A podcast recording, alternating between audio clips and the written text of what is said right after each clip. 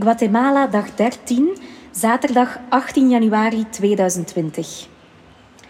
Ik schrijf deze dag één dagje te laat wegens technofeest gisteren en dus late thuiskomst.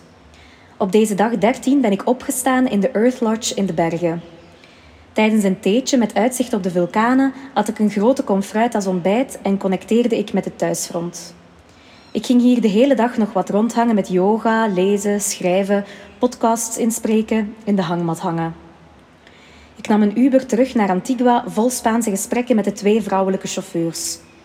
Ik sprak met Daniel af om naar onze Airbnb te gaan.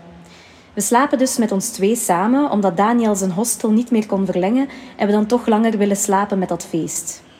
We zijn gaan eten en drinken met twee vrienden van hem, René en Anna. Een koppel, maar ik zou ze nooit samengezet hebben.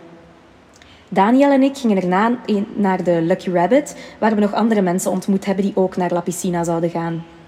Het was wel heel louche om er te raken en ik vreesde verschillende keren een overval. Uiteindelijk zaten we met 21 personen in een busje van 12 personen.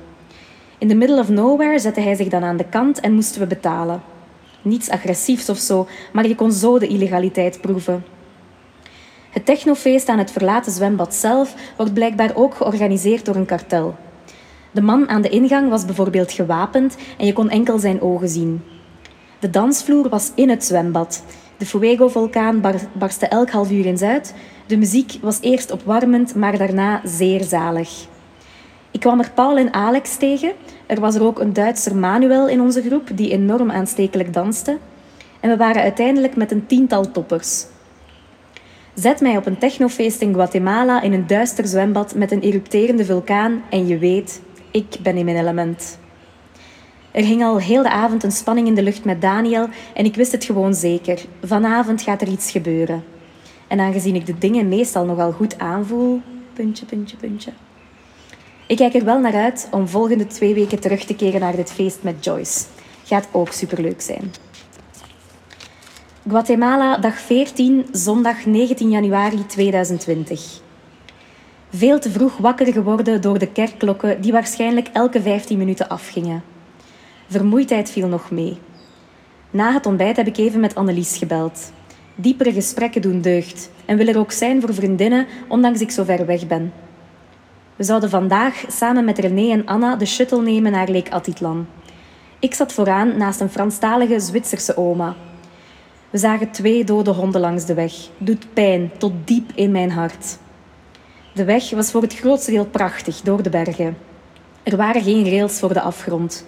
Mijn moeder zou constant in paniek oeh joh geroepen hebben. We stopten ergens voor een uitzicht aan het meer. Ik leef echt. Ik wil nergens anders zijn. Wel wat bang voor dubbel date en koppeltjesgedoe. Ik begin me zoals altijd, zoals bijna altijd, weer te storen aan kleine dingen. Classic Charlotte. We zijn ook met ons vier gaan lunchen om 17 uur en nadien zijn we naar de zonsondergang gaan kijken. Erna zijn we elk onze eigen weg gegaan.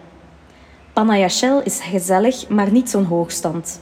Morgen reizen we verder naar een kleiner dorpje aan dit meer. Daniel en ik zijn nog guacamole gaan afhalen en een fles rode wijn gaan kopen. We zijn het nu gezellig aan het consumeren op het terras van onze hotelkamer. Eigenlijk heb ik vanavond echt genoten van onze gesprekken en tijd samen. Mijn gevoel is terug aan het veranderen in de goede richting. Hij had ook een reisdagboek mee. Tot morgen.